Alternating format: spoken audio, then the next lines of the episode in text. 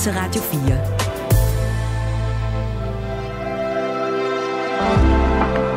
Velkommen til morgenrutinen. Din vært er Maja Hall. Over en tredjedel af den danske arbejdsstyrke har skiftet arbejde det seneste år. Og det er en ny rekord. Godmorgen og velkommen indenfor hos øh, Morgenrutinen hos mig, Maja Hall, hvor du i dag i mit program skal møde en, der ikke bare har sagt sin ellers rigtig fine direktørstilling op. Hun øh, har ovenikøbet heller ikke noget nyt arbejde at skifte til. Jeg har tænkt mig lidt om og talt lidt med min bank og, øh, og lavet en aftale med mig selv om, at jeg skruer lidt ned for mit forbrug, øh, så jeg i hvert fald har øh, lidt på kistebunden til at, øh, at afvente og se, hvad fremtiden bringer. Hvorfor sige op, og hvorfor er der så mange, som skifter job, og endnu flere, der drømmer om at gøre det? Det skal det handle om i dag.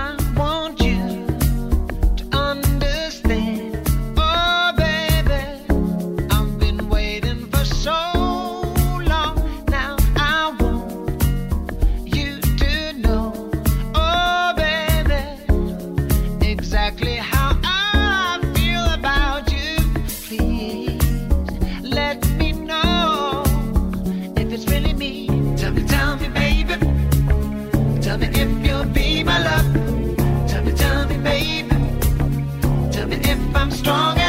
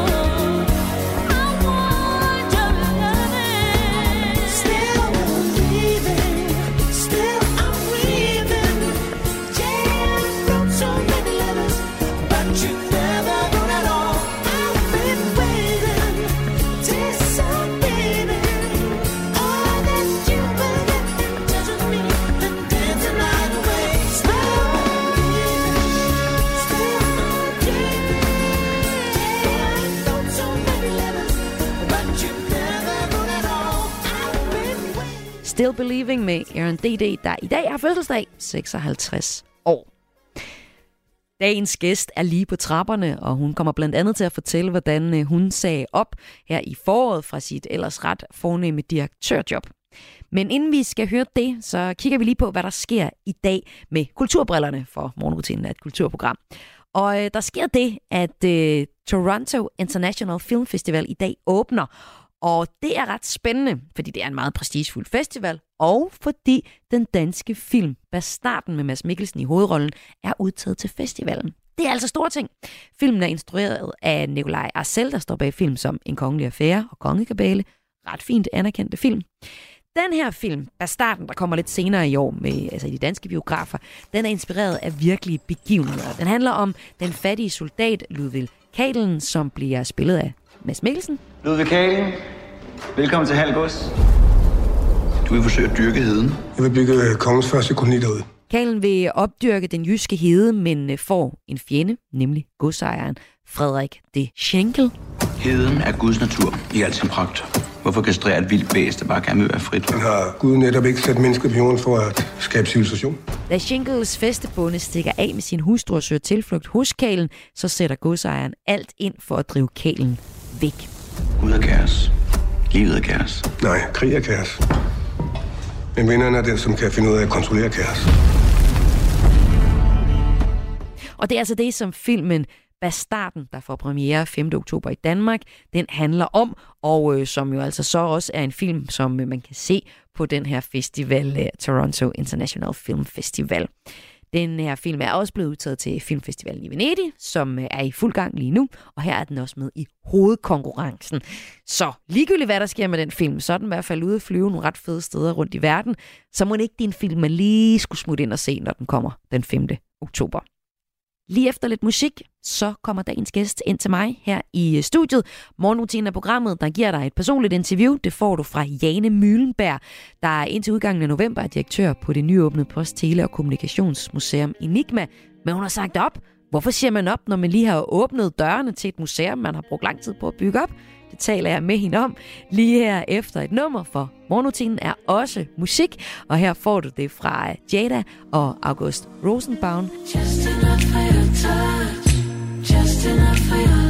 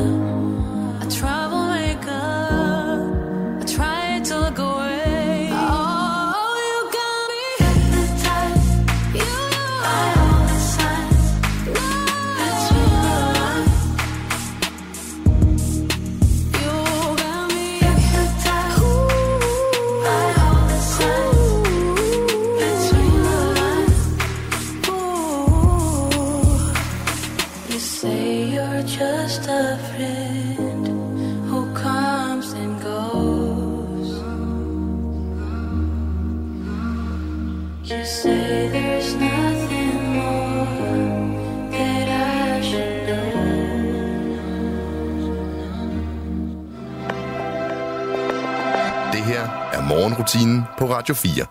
Jane Møllenberg indtil udgangen af november direktør for det nyåbnede Post, Tele og Kommunikationsmuseum Enigma i København. Herefter uden job. Mm-hmm. Velkommen til. Tak skal du have. Hvorfor sagde du op?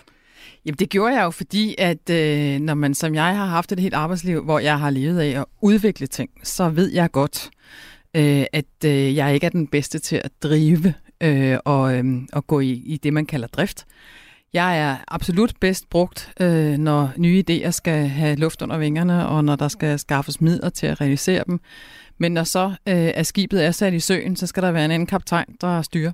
Hvorfor Så sagde du, ja, hvorfor sagde du op, uden at have et andet job? Jamen det gjorde jeg jo, fordi at jeg har vidst, jeg kender mig selv godt efterhånden, jeg er 56, så det burde have indtruffet det der tidspunkt, hvor man godt ved, hvordan man selv reagerer. Så jeg vidste allerede øh, lang tid før vi åbnede museet, at, øh, jeg vil holde op relativt hurtigt efter, at vi var åbnet. Så jeg har... Øh, jeg har tænkt mig lidt om og talt lidt med min bank og, øh, og lavet en aftale med mig selv om, at jeg skruer lidt ned for mit forbrug, øh, så jeg i hvert fald har øh, lidt på kistebunden til at, øh, at afvente og se, hvad fremtiden bringer.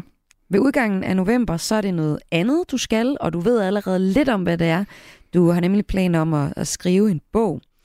Og øh, for nylig, så skrev du også en, en kronik, det gør du af og til, blander dig lidt i den offentlige debat, men det her det var sådan en personlig kronik, der hed øh, Mistede sin søn og mand, sagde farvel til milliongage og goddag til en kræftsygdom. Det står ikke mejslet i marmor, at du skal gå den slagende vej. Det var overskriften i den kronik, Jeg må der bare kom lige i- sige, at den har jeg ikke Okay. selv lavet. det kunne jeg godt forestille mig. og øh, i den her siger jeg jo også bare højt for at indikere, at der Mm. er en, en stor historie i din personlige valg, og vi skal høre lidt af det her i, øh, i morgenrutinen. Og øh, det skal vi, fordi at din historie, det er også en historie, som jeg tror ret mange vil på en eller anden måde kunne spejle sig i, finde inspiration i, føle sig provokeret af. Der er nemlig historisk mange lige nu, der drømmer om at sige op. Yeah. Og det er nok at sige op og gøre noget andet, ikke nødvendigvis at sige op til ikke at vide noget helt præcis, hvad man skal, som, som er en del af det, du ikke ved. Mm. Men hvad har reaktionerne været? Jamen oftest er jeg blevet mødt af øh, øh, sådan den der, øh, det der udbrud, der hedder, gud, var du modig. Og så kan jeg sådan se, at øh, når folk siger sådan, så har de på den ene side den der, gid det var mig, og på. Mm. den anden side, godt det ikke er mig. Øh, fordi at gid det var mig-delen, den repræsenterer jo alle de drømme, som vi alle sammen har i et eller andet omfang om. Tænk nu, hvis vi bare havde altså uendelig tid. Tænk, hvis vi bare selv kunne råde over vores tid. Og det er, det, øh, det er den forestilling, folk har, når, når, når de hører, at jeg ikke har et andet job på hånden. Og øhm, den anden side af det, det der med, godt det ikke var mig, det er alle de bekymringer, som følger med, at man ikke har en fast indtægt. Og det handler rigtig meget om økonomi, det her. Det handler om, hvordan, øh, hvordan vil du klare dig, hvordan vil du betale din husleje, øh, hvad med din bil, øh, hvad for noget mad vil du spise. Altså alle sådan nogle helt lavpraktiske ting. Og, og derfor er det sådan et skisma, men, men drømmen fylder meget, og du har ret, Maja, når du siger, at rigtig mange af os drømmer om at gøre noget andet. Og jeg har også kigget lidt ind i, i nogle tal, og det er faktisk næsten hver tredje dansker, der går og drømmer om at lave noget andet. Ikke nødvendigvis bare ikke at lave noget, og det er jo heller ikke det, jeg drømmer om, men at lave noget andet, end det man gør. Ja. Og så siger du modig, det er den reaktion, du har fået fra mange. Men jeg ved også, at øh, nogle af de yngre, du har Mm. talt med, det skrev du om i kronikken, de har en lidt anden tilgang til det. Det er lidt mere naturligt, måske ja. det her skifte. Og øh, lad os øh, tale mere om det. Og det er den forskel og de forskellige drømme, generationerne hver for sig har i forhold til arbejdsmarkedet. Jane Møllenberg, velkommen ind for til morgenrutinen. Tak skal du have. Åbnet dit hjerte, dit hjem og dit liv og din krop for mig. Du koger pasta og rister valnødder i honning og hvidløg Mens jeg finder en proptrækker Du ligger på sengen i lyset uden top. Jeg stopper op og tænker Hvad har vi gjort, vi skal have det så godt. Vi tog på roadtrip til Møns Klint i din Ford Fiesta. 14 dage efter jeg mødte dig Jeg blev forført af den måde du holdt tæt talks om sexistiske strukturer på din arbejdsplads. Først hang vi ud i et sommerhus Med et par andre par, som vi ikke rigtig kendte endnu. De var kendte, jeg var ikke blevet kendt endnu. Og alle talte til dig, som om de gav et interview. Men om natten var det kun dig og mig i en sejlbåd. Der var stjerneklart, og intet sagt blev misforstået. Og indtil videre er der ikke gået. En dag hvor vi to ikke har gennemgået Alt der flyver gennem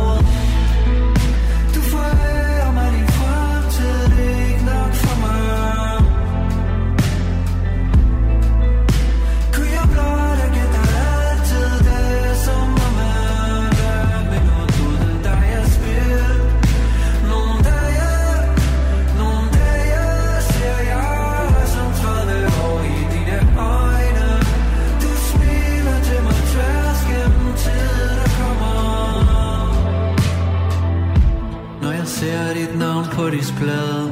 For jeg ånder noget og rammes af en barnlig glæde. Vores liv er en lang samtale, som af og til bliver ramt af At vi er til skal sove eller bold eller ad. Du er ret vild med dit personal space.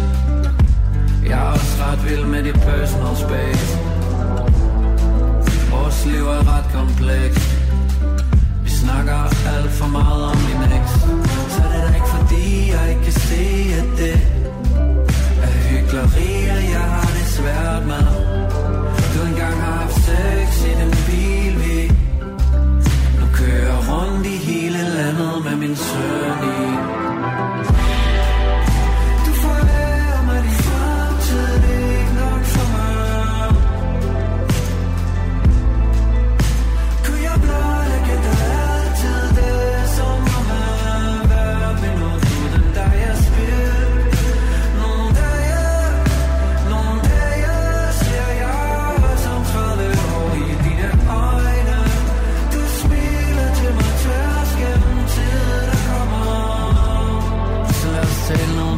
hvordan vi vil male lejligheden Og lad os tale meget mere om, hvad vores børn skal hedde Her var det guld i mund i morgenrutinen på Radio 4, som du lytter til. Godmorgen og velkommen indenfor.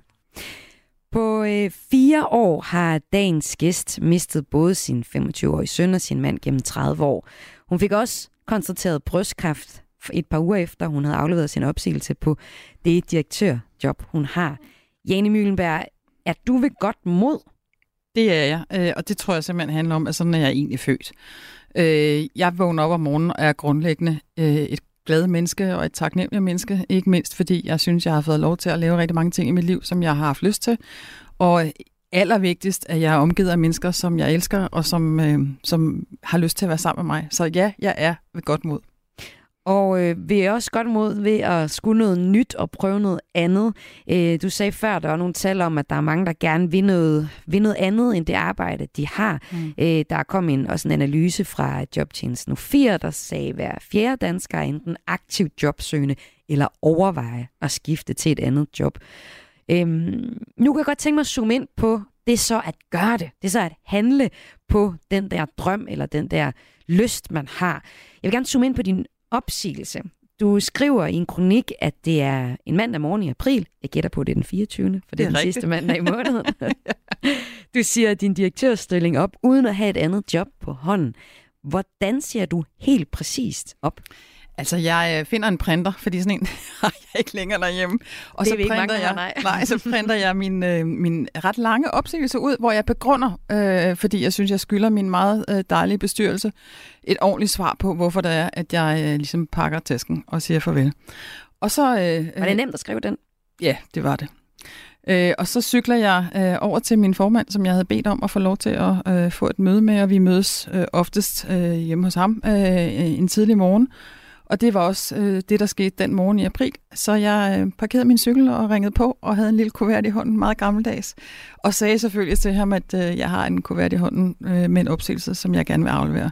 Og så satte vi os jo ned og snakkede sammen, og han lyttede og var meget, øh, var meget ordentlig og øh, synes jeg, øh, konstruktiv, øh, fordi det er klart, at når man driver en virksomhed som den, jeg øh, forlader, og er bestyrelsesformand, så overtager man jo i princippet ansvaret øh, øh, endnu mere, end man har haft tidligere, når direktøren øh, melder øh, sig ud. Og, øh, og det ansvar tog han på sig med det samme den morgen, og det vidste jeg godt, han ville. Øh, og øh, vi har heldigvis haft en meget åbenhjertig øh, snak øh, hele vejen i det seksårige samarbejde, vi har haft med hinanden. Så jeg vidste godt, at, øh, at det ville blive en ordentlig snak. Ja, det er også, du fortæller også, at det er noget, du har, øh, har tænkt over i en periode, og på en eller anden måde godt vidst, at du ikke skulle drifte, men du skulle mm. i dit, dit arbejdsliv, det er fokus på at udvikle nyt og bygge nye ting op. Så da du afleverer den her konvolut, da du går derfra, hvad er det for en følelse, du har i kroppen? Jamen, altså helt banalt, så føles det jo selvfølgelig øh, rart at endelig have fået, have fået det sagt. Øh, jeg havde jo gået og, og øh, snakket med min kæreste og, og min familie om det her, øh, inden det skete, og det var rart sådan ligesom at få forløst det, men øh, øh, som det er i sådan nogle situationer, så øh, går der også lidt tid. Øh, I det her tilfælde gik der faktisk seks uger fra, jeg sagde op til mit personale fik besked, og øh, det er jo lang tid øh, at gå med den hemmelighed. Så jeg var sådan set stadig på arbejde øh, og, øh, og, og mødte ind om morgenen og, øh, selvfølgelig vidste min nærmeste kollega øh, godt, at det her var øh, undervejs, men ellers så var det en hemmelighed. Og det var det jo også for mine omgivelser ud over min nære familie. Ja. Og din nære familie, dine omgivelser, hvad har der, altså dem, der kender dig personligt godt og ikke i arbejdsøje med, hvad, hvad har de sagt til dig? De kender mig jo, Ja. så de ved godt. Jeg tror, min kæreste, som er en lille smule mere velovervejet end jeg selv, er ikke helt drevet så meget af intuition. Øh, han sagde, skal du, jeg tror, jeg sagde, nu gør jeg det en torsdag morgen, og så sagde han, ej, skal du ikke lige sove på det i weekenden? og det gjorde jeg jo så. Okay. Men beslutningen var jo ikke anderledes. Ja. Og jeg tror, dem, der kender mig godt, ved godt, at øh, det er jo også er respekt for det projekt, jeg selv har brugt så mange timer på, at, at jeg ved, at jeg vil ikke være øh, god til at passe på det.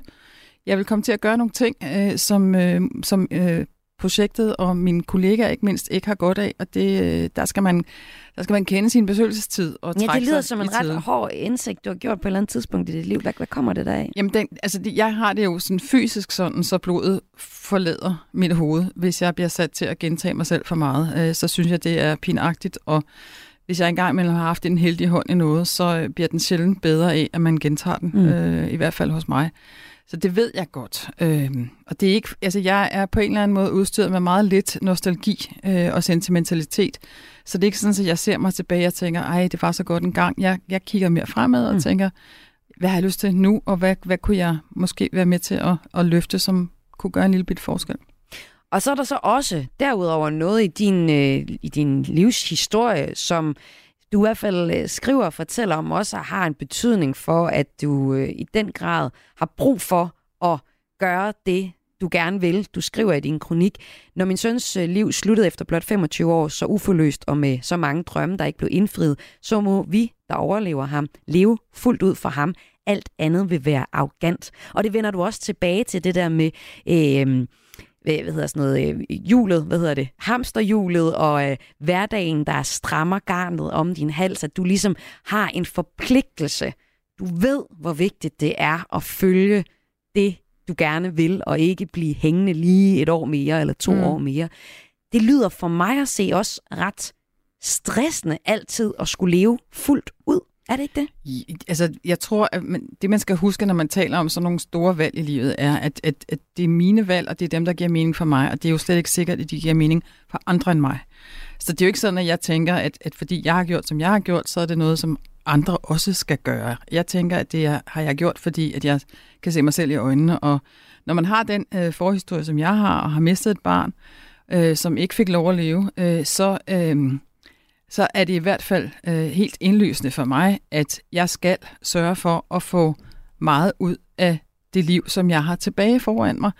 Og øh, jeg skal være glad i det. Jeg skal være, øh, jeg skal være min, den bedste version af mig selv, øh, også i forhold til de øh, mennesker, som jeg har tæt på mig. Og øh, når man er nogens leder, så har man også et ansvar for at opføre sig ordentligt og være engageret og øh, ikke mindst nysgerrig på, hvad de kommer med, og jeg kunne mærke øh, på mig selv, at den nysgerrighed havde forladt mig. Øh, men man skal måske se det som et billede, altså at, at det at bygge et museum, som vi har gjort over otte år, uden offentlig tilskud overhovedet, og have rejst rigtig, rigtig mange millioner til at få bygget det her museum, det er jo en, det er jo en team effort, det er noget, vi har gjort som et hold. Og øh, da vi så nåede op på toppen og åbnede museet, så kan jeg ikke få øje på den næste top. Og det skylder man sine kollegaer, når man er leder, øh, at tegne den top op og sige, nu skal I høre, venner, øh, det kan godt være, at vi står her nu, men kan I se den der top derovre? Det er der, vi skal over næste gang, og den kunne jeg ikke få øje på. Og det med så at handle på det og øh, finde noget andet at sige op, øh, og nu leder du så eller skal finde ud af, hvad du nu skal øh, ja, i næste år. Øhm, det er der jo mange, der drømmer om, men jeg synes også, det er ret interessant, det du siger med det der med at altid være på jagt efter det næste, den næste top. Og lad os tage lidt mere ned i det efter Frank Ocean med Swim Good. That's a pretty big trunk on my Lincoln Town car, ain't it? Big enough to take these broken hearts and put them in it. Now I'm driving round on the boulevard, trunk bleeding. Every time the cops pull me over, they don't ever see them. They never see them. And I got this black suit on. Rolling around like I'm ready for a funeral. Five more miles till the road runs out.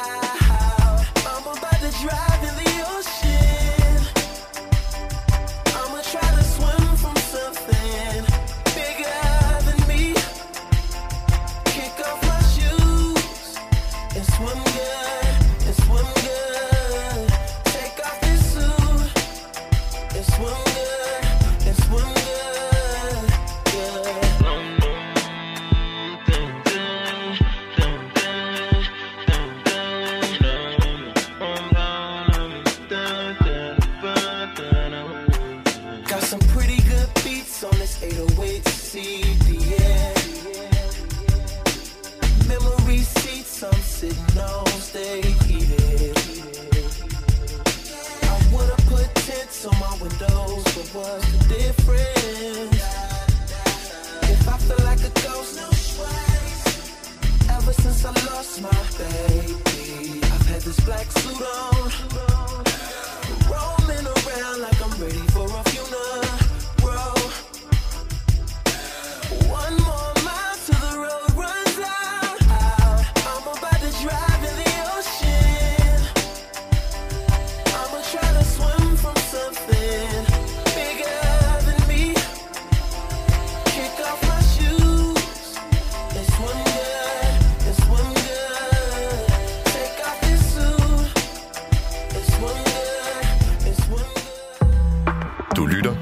morgenrutinen på Radio 4.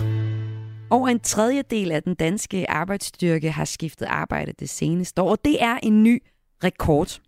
En af dem, hun er gæst her i Morgenrutinen i dag. Morgenrutinen er programmet, der giver dig lidt musik at starte dagen på, frem til klokken bliver 6. Og så giver jeg dig også et personligt interview, og det får du i dag fra Jane Mühlenberg, Snart med titlen Tidligere chef ved Post Tele- Kommunikationsmuseet Enigma. Og øh, noget af det, du skal bruge din tid på, når du ikke skal være chef, det er at skrive en bog om generationsskifte i arbejdslivet. Og en af de indsigter, du har fortalt, som forarbejdet med bogen har givet dig, det er øh, synet på forventningerne til arbejdslivet. Også, og du kalder det en kampplads generationerne imellem. Mm. Prøv lige at uddybe det. Altså nu, øh, jeg kommer lige ude fra det, der hedder Ungdommens Folkemøde, som jo er en fantastisk fest for demokratiet, øh, men for unge, der er mange, der vil kende Folkemødet på Bornholm, men der er et tilsvarende for unge mennesker, øh, som bliver holdt i København. Og øh, det, som jeg oplever så nogle steder, det er jo, at øh, der er et kæmpe engagement for de yngre generationer, men der er også et gab imellem det engagement, og især måden, det folder sig ud på, op til de generationer, hvor jeg selv hører til, som er dem, der sådan typisk sidder på, på øh, de mest magtfulde poster i samfundet. Og hvis vi skal være interessante, både som ledere og måske også en gang imellem som forbilleder, som, som folk øh, jo tit er, når de er ledere af store organisationer, øh, så kræver det jo, at man får en indsigt i, hvad det er for forventninger, de yngre generationer har til det at indgå i arbejdsrelationer. Og det jeg selv har noteret over et stykke tid, og det er jo ikke bare mine egne erfaringer, for jeg har kun været leder for en lille organisation, men når jeg taler med folk, der sidder i store øh, stillinger, så øh, er det ret samstemmende, at øh, vi synes, det er vanskeligt at begå os i alt det, man kunne kalde det nye. Altså alt det, som handler om, hvordan vores sprog ændrer sig, hvordan vi taler helt anderledes om øh, ting, øh, bruger øh, ord, og især ikke bruger ord, som vi er vokset op med og synes er øh, normale. Dermed ikke sagt, de er rigtige. Men det tager os lidt længere tid at vende os til, at tingene øh, ser anderledes ud. Det gælder også øh, i forhold til øh, forventninger til, øh, hvordan man så indgår på en arbejdsplads, hvor sådan en som mig, som indtrådte i mit første faste job i, i starten af 90'erne, jo havde en sådan ret stærk autoritetstro øh, og ikke turde sætte mig op med mine ledere, hvis jeg nu havde været utilfreds med noget. Øh, jeg oplever heldigvis, og det synes jeg faktisk er ret befriende, at de unge, der kommer øh, og har arbejdet sammen med mig, er langt mere sådan, ah, hvorfor gør du det? Eller øhm, ikke respekterer nødvendigvis de øh, systemer, som vi har bygget op på arbejdspladser, hvor at man har en mellemleder, man går til, og så på et eller andet tidspunkt, så lander det på mit bord. Øh, men, men man går direkte til den øverste chef, hvis der er noget, man synes, eller noget, man er optaget af. Det synes jeg er enormt befriende, men vi skal lige lære det. Øh, og, og, og jeg tror, at det er derfor, jeg kalder det en kampplads. Jeg tror, det kommer til at fylde rigtig meget i vores måde at arbejde med hinanden på de kommende øh, årtier, øh, fordi at, at det er, der er sket mange store forandringer på kort tid, og vi er ikke så hurtige også op i den grå ende af skalingen. Så er det en lærebog til de grå ende øh, oppe i... Det er i hvert fald en inspirationsbog til øh, ledere på min egen alder, som øh, hele tiden siger til hinanden, ja, det var jo en anden tid. Og det var det, øh, men, øh, men det er jo ikke, fordi vi ikke gerne vil. Jeg vil super gerne øh, lade være med at fornærme nogen øh, i mit sprog. Jeg vil super gerne lade være med at forsøge at være sjov og komme til at sige noget, som støder nogen. Nogle gange ved jeg bare ikke, det støder, fordi jeg ikke har min gang i de øh, cirkler, som, øh, som er naturlige, når man er 20 eller 25. Øh, så, så det tager lige lidt tid, før vi, skal, før vi kommer med, og jeg tror, der er brug for, og det er der heldigvis også et forlag, der tror, at der er brug for, at vi måske deler nogle af de erfaringer og bliver lidt klogere. Ja. Og det er jo så øh, noget af den måde, vi, vi opfører os over for hinanden, du beskriver, og den måde, vi taler til hinanden. Og så er der også en del af det, du beskriver her, der handler om vores forventninger til at gå på arbejde. I perioden januar 2022 til januar 2023, der var der 1.051.546 danskere, helt præcis, det kan være, at der er nogen af jer, der lytter med, der øh, skifter øh, fik arbejde. Det viste øh, tal fra Jobindsats.dk, der hører under Styrelsen for Arbejdsmarked og Rekruttering. Og det var historisk mange for den her periode. Det, det peger jo på, vi ved jo ikke, hvem det er, men det peger jo på i hvert fald en lyst generelt i samfundet, måske også de unge, til at skifte og finde en anden tue, finde et andet bjerg, som du også beskrev før, og øh, blive udfordret øh, i. Øhm, hvad tænker du om den her nye rekord i forhold til det, du har fokus på med din bog? Jeg tænker, hvis jeg starter med at tænke som det, jeg har været indtil, øh, eller det, jeg er indtil om et øjeblik, hvor det holder op, nemlig arbejdsgiver, så tænker jeg, at vi får en voldsom opgave i at rekruttere øh, især specialiseret arbejdskraft, fordi at øh, vi kommer til at konkurrere ikke på bare at have en interessant virksomhed, der måske skaber et interessant produkt, men vi kommer også til at konkurrere på værdier og på, hvor gode vi er til at udleve de værdier, og ikke mindst kommer vi til at konkurrere på en forståelse af, at øh, yngre generationer har en anden opfattelse af, hvordan arbejde og privatliv skal skrues sammen. Så det bliver øh, sådan den første øh, læring af det. Og så tænker jeg selvfølgelig også, at, øh, at hvis ikke vi skynder os at få øh, samstemt de der forventninger og prøve at forstå respektivt hinanden, øh, så øh, bliver den der kampplads et ondt sted at være. Øh, både for øh, de unge, men sådan set også for folk i min egen generation. Men ser du som det som primær øh, konflikt øh, i forhold til arbejdsmarkedet, det handler om, hvordan man indretter sin, øh, sit arbejdsliv. Altså, den her undersøgelse, jeg talte om før fra øh, Jobhotel 04, den, øh, den så, der kunne man se helt konkret, så drømmer to ud af tre danskere om at få en fire-dages arbejdsuge. Også Mhm. selvom, at, at man så fortsat skal arbejde 37 timer. Jeg ved, der er øh, plejehjem, hvor man har lige præcis gjort det her, og med, med succes givet folk mulighed for at, at indrette deres øh, uger, som de gerne øh, vil, og på den måde kan man tiltrække noget, øh, noget arbejdskraft.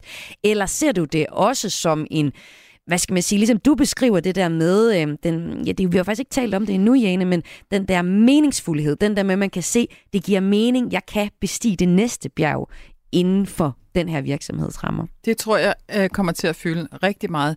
Det, det har det også gjort for min generation. Der er også mange af os, der har valgt at arbejde med noget, vi synes var meningsgivende, og måske endda noget, som altså sådan helt ubeskeden gjorde en lille forskel.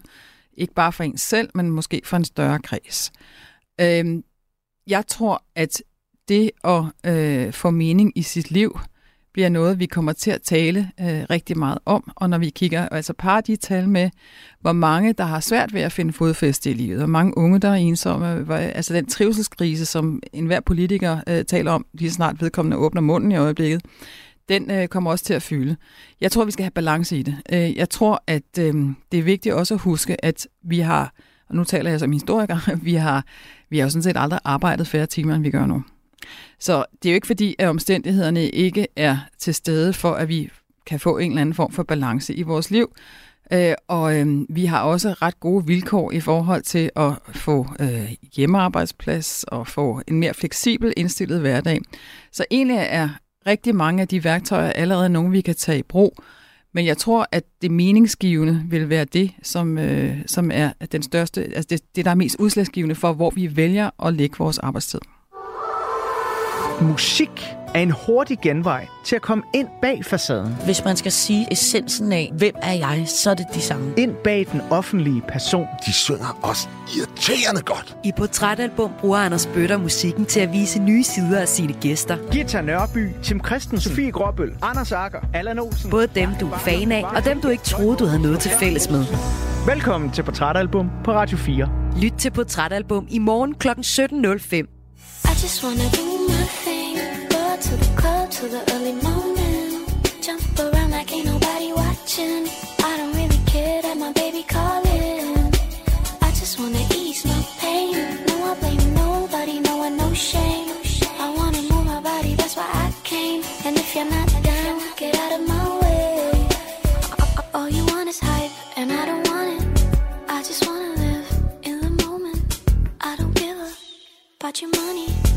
say nothing sweet, cause I ain't your honey. You won't listen to me, not even in stereo.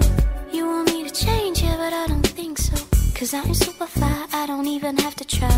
And I don't need nobody, baby, let me tell you why. I just wanna do my thing. Go to the club till the early morning. Jump around like ain't nobody watching. I don't really care that my baby calling.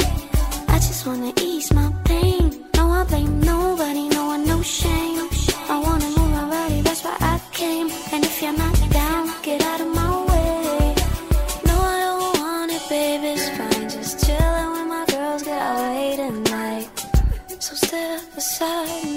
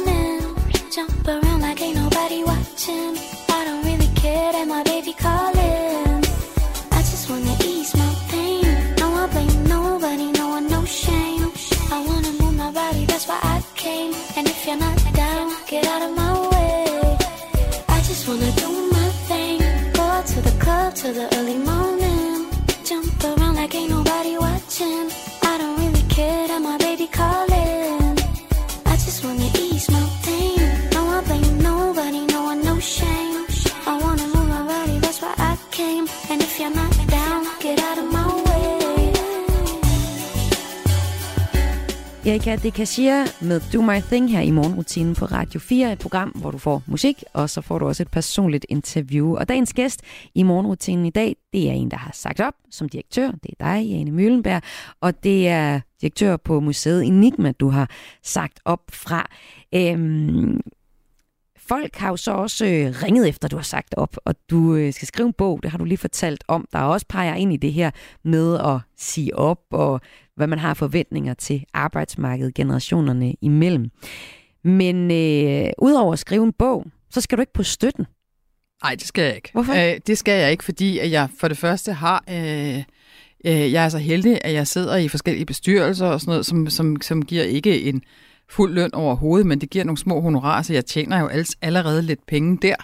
Øh, så skriver jeg også øh, faste klummer i Altinget, og jeg skriver også forskellige andre steder, så jeg tænker, at hvis jeg er rigtig heldig og dygtig, så kommer jeg til at stykke et arbejdsliv sammen af en hel masse små patchwork, hvad hedder sådan noget, øh, lapper, som så, når de bliver syet sammen, øh, giver et indtægtsgrundlag for mig. Så du skal ikke ud og have et fast nyt job? Det, det skal man jo aldrig afvise, øh, men jeg har svært ved at se, hvad det skulle være for et job, øh, som øh, tingene ser ud nu. Tidligere år der viste en undersøgelse fra Jobportalen U4, at 39 procent af den danske arbejdsstyrke enten er aktivt jobsøgende eller overvejer at skifte til et andet job. Øhm, skal de gøre det? Det, det, det synes jeg er svært at rådgive om. Øh, jeg kan sige noget om, hvad der har givet mening for mig, og forhåbentlig give en lille smule baggrundsforståelse for, hvorfor jeg vælger, som jeg gør, hvis der er nogen, der er interesseret i at høre det. Men jeg synes jo altid, det er en afvejning for den enkelte, og jeg har kæmpe forståelse for, at hvis man er øh, 35 og har tre små børn og forsørger, og øh, øh, altså har nogle økonomiske forpligtelser, som gør, at det er rigtig, rigtig vanskeligt at, at tage det spring, som jeg har taget. Altså det, det forstår jeg da fuldstændig. Det gør jeg jo heller ikke selv. Og det er så ikke helt rigtigt, for jeg har faktisk en gang før sagt et job op, uden at have noget andet. Men, øh, men det skal den enkelte jo gøre op med sig selv og med sin partner, hvis man har sådan en. Øh, hvad, kan, hvad kan den økonomiske øh, skjorte ligesom øh, klare, før den brister over ryggen? Øh, jeg tror, der er mange måder øh, at leve sit liv på, og en af de undersøgelser, som jeg har kun hørt øh, formidlet mundtligt, og derfor ikke kan referere til, for jeg har ikke fundet den. Men det var en fremtidsforsker, der sagde noget om, at den unge generation vil øh, i deres arbejdsliv skifte ikke job, men branche syv gange, fordi at accelerationshastigheden i vores samfund bliver af en sådan art, øh, hvis den ikke allerede er det, at, øh, at, den, øh, at det er en mulighed. Så jeg tror også, at vi kommer til at se mange flere, der, har, der, altså, der gør øh, noget i stil med det, som jeg så har valgt at gøre, øh, og man ikke er øh, gift med det der øh, job og den arbejdsplads øh, så længe, som man holder sølvbryllup eller guldbryllup med sin arbejdsplads. Hold da op, du er, det er anden gang, du gør det her, Jane. Så er du en erfaren dame ud i at sige op, uden at have et, øh, et andet sted at gå hen. Hvordan, hvad, var, øh, hvad var grunden sidste gang? Jamen sidste gang havde jeg to små børn, og øhm, den ene af dem, øh, han var meget på hospitalet, og der havde jeg en arbejdsgiver, som øh, havde svært ved at forstå, at jeg ikke kunne øh, hyre en ung pige til at gå på hospitalet med min søn, og, og det, det kunne jeg ikke rumme. Så derfor sagde jeg op, øh, og så havde jeg det held, at min mand øh, drev sin egen virksomhed, og jeg kunne så hjælpe lidt til der, sådan så jeg øh, kunne for det første lave noget, jeg synes var vigtigt, men også øh, bidrage lidt til familiens økonomi, men samtidig passe mit barn. Og Janne Møllenberg, nu bliver jeg nødt til at stille det irriterende spørgsmål. Når du nu har fortalt om de to gange, du har sagt op, uden at have et andet. Er det privilegeret at kunne sige sit job op, uden at have et andet job? Det er jo et spørgsmål om valg, men det er klart, at øh, jeg står et sted, altså jeg hører jo til øh, en privilegeret øh, art, fordi jeg har fået en lang uddannelse af samfundet. Jeg har øh, fast ejendom, jeg har øh, lidt penge i banken, jeg har også en bil, og jeg har et netværk. Så på den måde er jeg jo allerede privilegeret. Øh, jeg vil jo våge den påstand, at man kan indrette sig øh, på mange forskellige måder, og dermed også, hvis man har en uforløst drøm om at sejle jorden rundt, så, så øh, altså kender vi jo alle sammen historien om dem, der så sælger deres øh, jordiske øh, øh, gods og guld for at realisere det. Så, så det er jo muligt. Øh, men jeg forstår også godt, at det kan være svært at se øh, vejen derhen, hvis man står øh, fuldstændig øh, op til begge ører med øh, børnehaver og forældremøder og øh, badminton og hvad man nu ellers skal. Øh, så, så igen, øh, jeg kan sige noget om, hvad jeg har gjort, men, øh, øh og jeg ved også godt, at jeg taler fra et privilegeret synspunkt, men øh, jeg synes også, at, øh, at meget er muligt, hvis man tør at skal lidt, ned, lidt ned i sit forbrug. Hvad gør vi så, alle os, alle os, der drømmer om at gøre noget andet, og ikke helt ved, hvad det er endnu? Jane, har du et godt råd? Øh, I taler jo med jeres øh, omgivelser, og øh, måske også med banken, eller, eller hvem det nu er. Jamen, banken er vigtig. Ja, Hvis banken man, er ser, super vigtig. hvis man ser på, øh, hvad årsag til folk, der gerne vil skifte job, så altså at skifte til et andet, og ikke til, til noget, man ikke ved, hvad endnu, så er Jeg tror, jeg vil sige det på en lidt mere fortegnet måde. At hvis man nu forestillede sig, at øh, øh, altså skalere sig frem i livet og sid- sidder og ser på sig selv som en, der er lige ved at tage afsked med livet, forhåbentlig så meget gammel, vil man så se tilbage og tænke, gid jeg havde gjort det. Ja. Hvis Ja, eller vil ja man, til til vil man se tilbage og tænke, gid, jeg havde accepteret, at jeg er, hvor jeg er lige nu. Er der ikke en eller anden fuldstændig gakket forestilling, du og alle os, der gerne vil noget andet, har om, at det bliver bedre lige om lidt. Hvis vi skifter, så bliver det bedre. Jo, men det er der ingen garanti for. Altså, jeg, jeg, øh, min historie er jo absurd derhen, og jeg sagde op, det var lige selv regnet ud, ikke? den 24. april og den 16. maj gik jeg fra Gentofte Hospital med en besked om, at jeg havde brystkræft. Det er ikke verdens skarpeste timing, men, øh, men sådan er livet jo også. Altså, livet er jo fyldt af forhindringer, og jeg hører til dem, der tror, at det er et spil af tilfældigheder. Øh, og, øhm, og det må man jo så manøvrere i. Jeg kan godt lide, at jeg har givet mig selv handlekraft, øh, og jeg har givet mig selv mulighed for at gøre nogle ting, og jeg har også gjort op, hvad er det værste, der kan ske for mig. Og det værste, der kan ske for mig lige nu, det er selvfølgelig, at jeg skal sælge, hvad jeg ejer, og så må jeg jo finde ud af det. Øh, men øh, det, igen, det er min historie. Det er ikke sikkert, at, der, at den giver mening for andre, men den giver mening for mig. Og nu nævner du det her med brystkræft, så jeg bliver også nødt til lige at spørge dig, Jane, er du okay i forhold til det? Tak skal du have. Jeg er færdig med min strålebehandling, og jeg er øh, der, hvor lægerne siger, at nu har de opereret kræften ud. Mm. Øh, så jeg tænker, at jeg står et godt sted, og bare lige, når jeg nu har muligheden for at tale til nogens ører, øh, husk at gå til de øh, mammografier, eller hvad det nu ellers er, man bliver inviteret til af det offentlige. Det var sådan en, der fangede min brystkræft. Ja.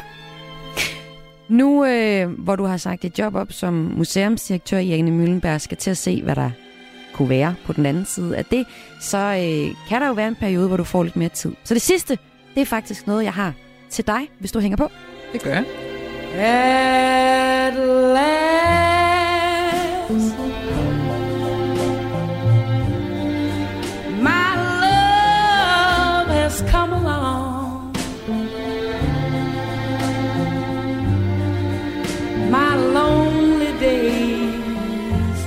are over.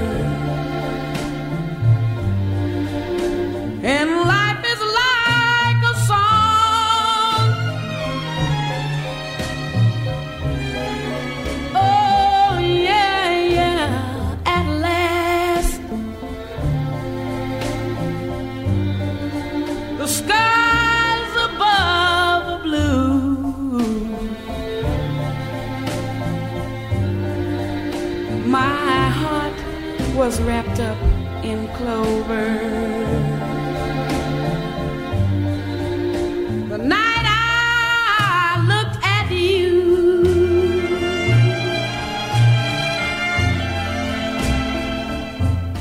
I found a dream that I could speak to, a dream that I can call. I found a thrill to press my cheek to, a thrill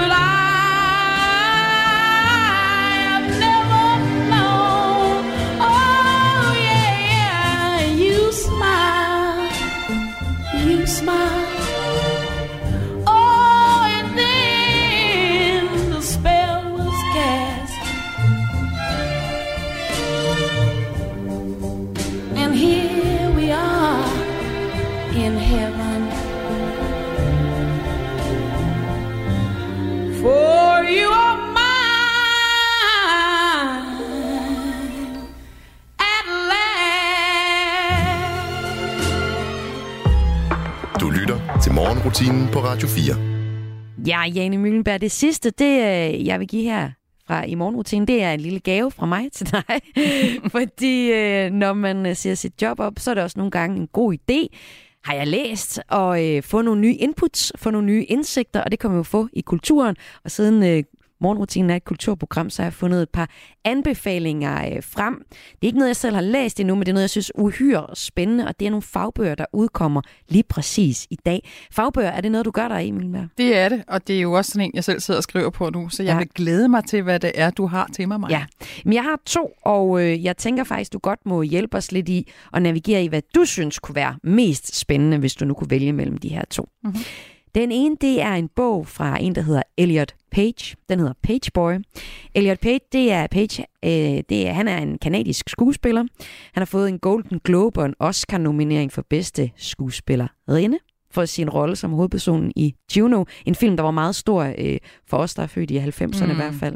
Page blev også nomineret til Times liste over de mest indflydelsesrige personer og fik en placering på en eller anden liste over de mest sexede kvinder i verdenslisten. Og nu kan det være, at du kan høre, at der er noget, der ikke helt hænger sammen. Elliot Page blev nemlig født som kvinde og brugt sit kvindelige navn indtil 2022, hvor Page har sprang ud som transkønnet og bruger ham dem pronominer. Mm.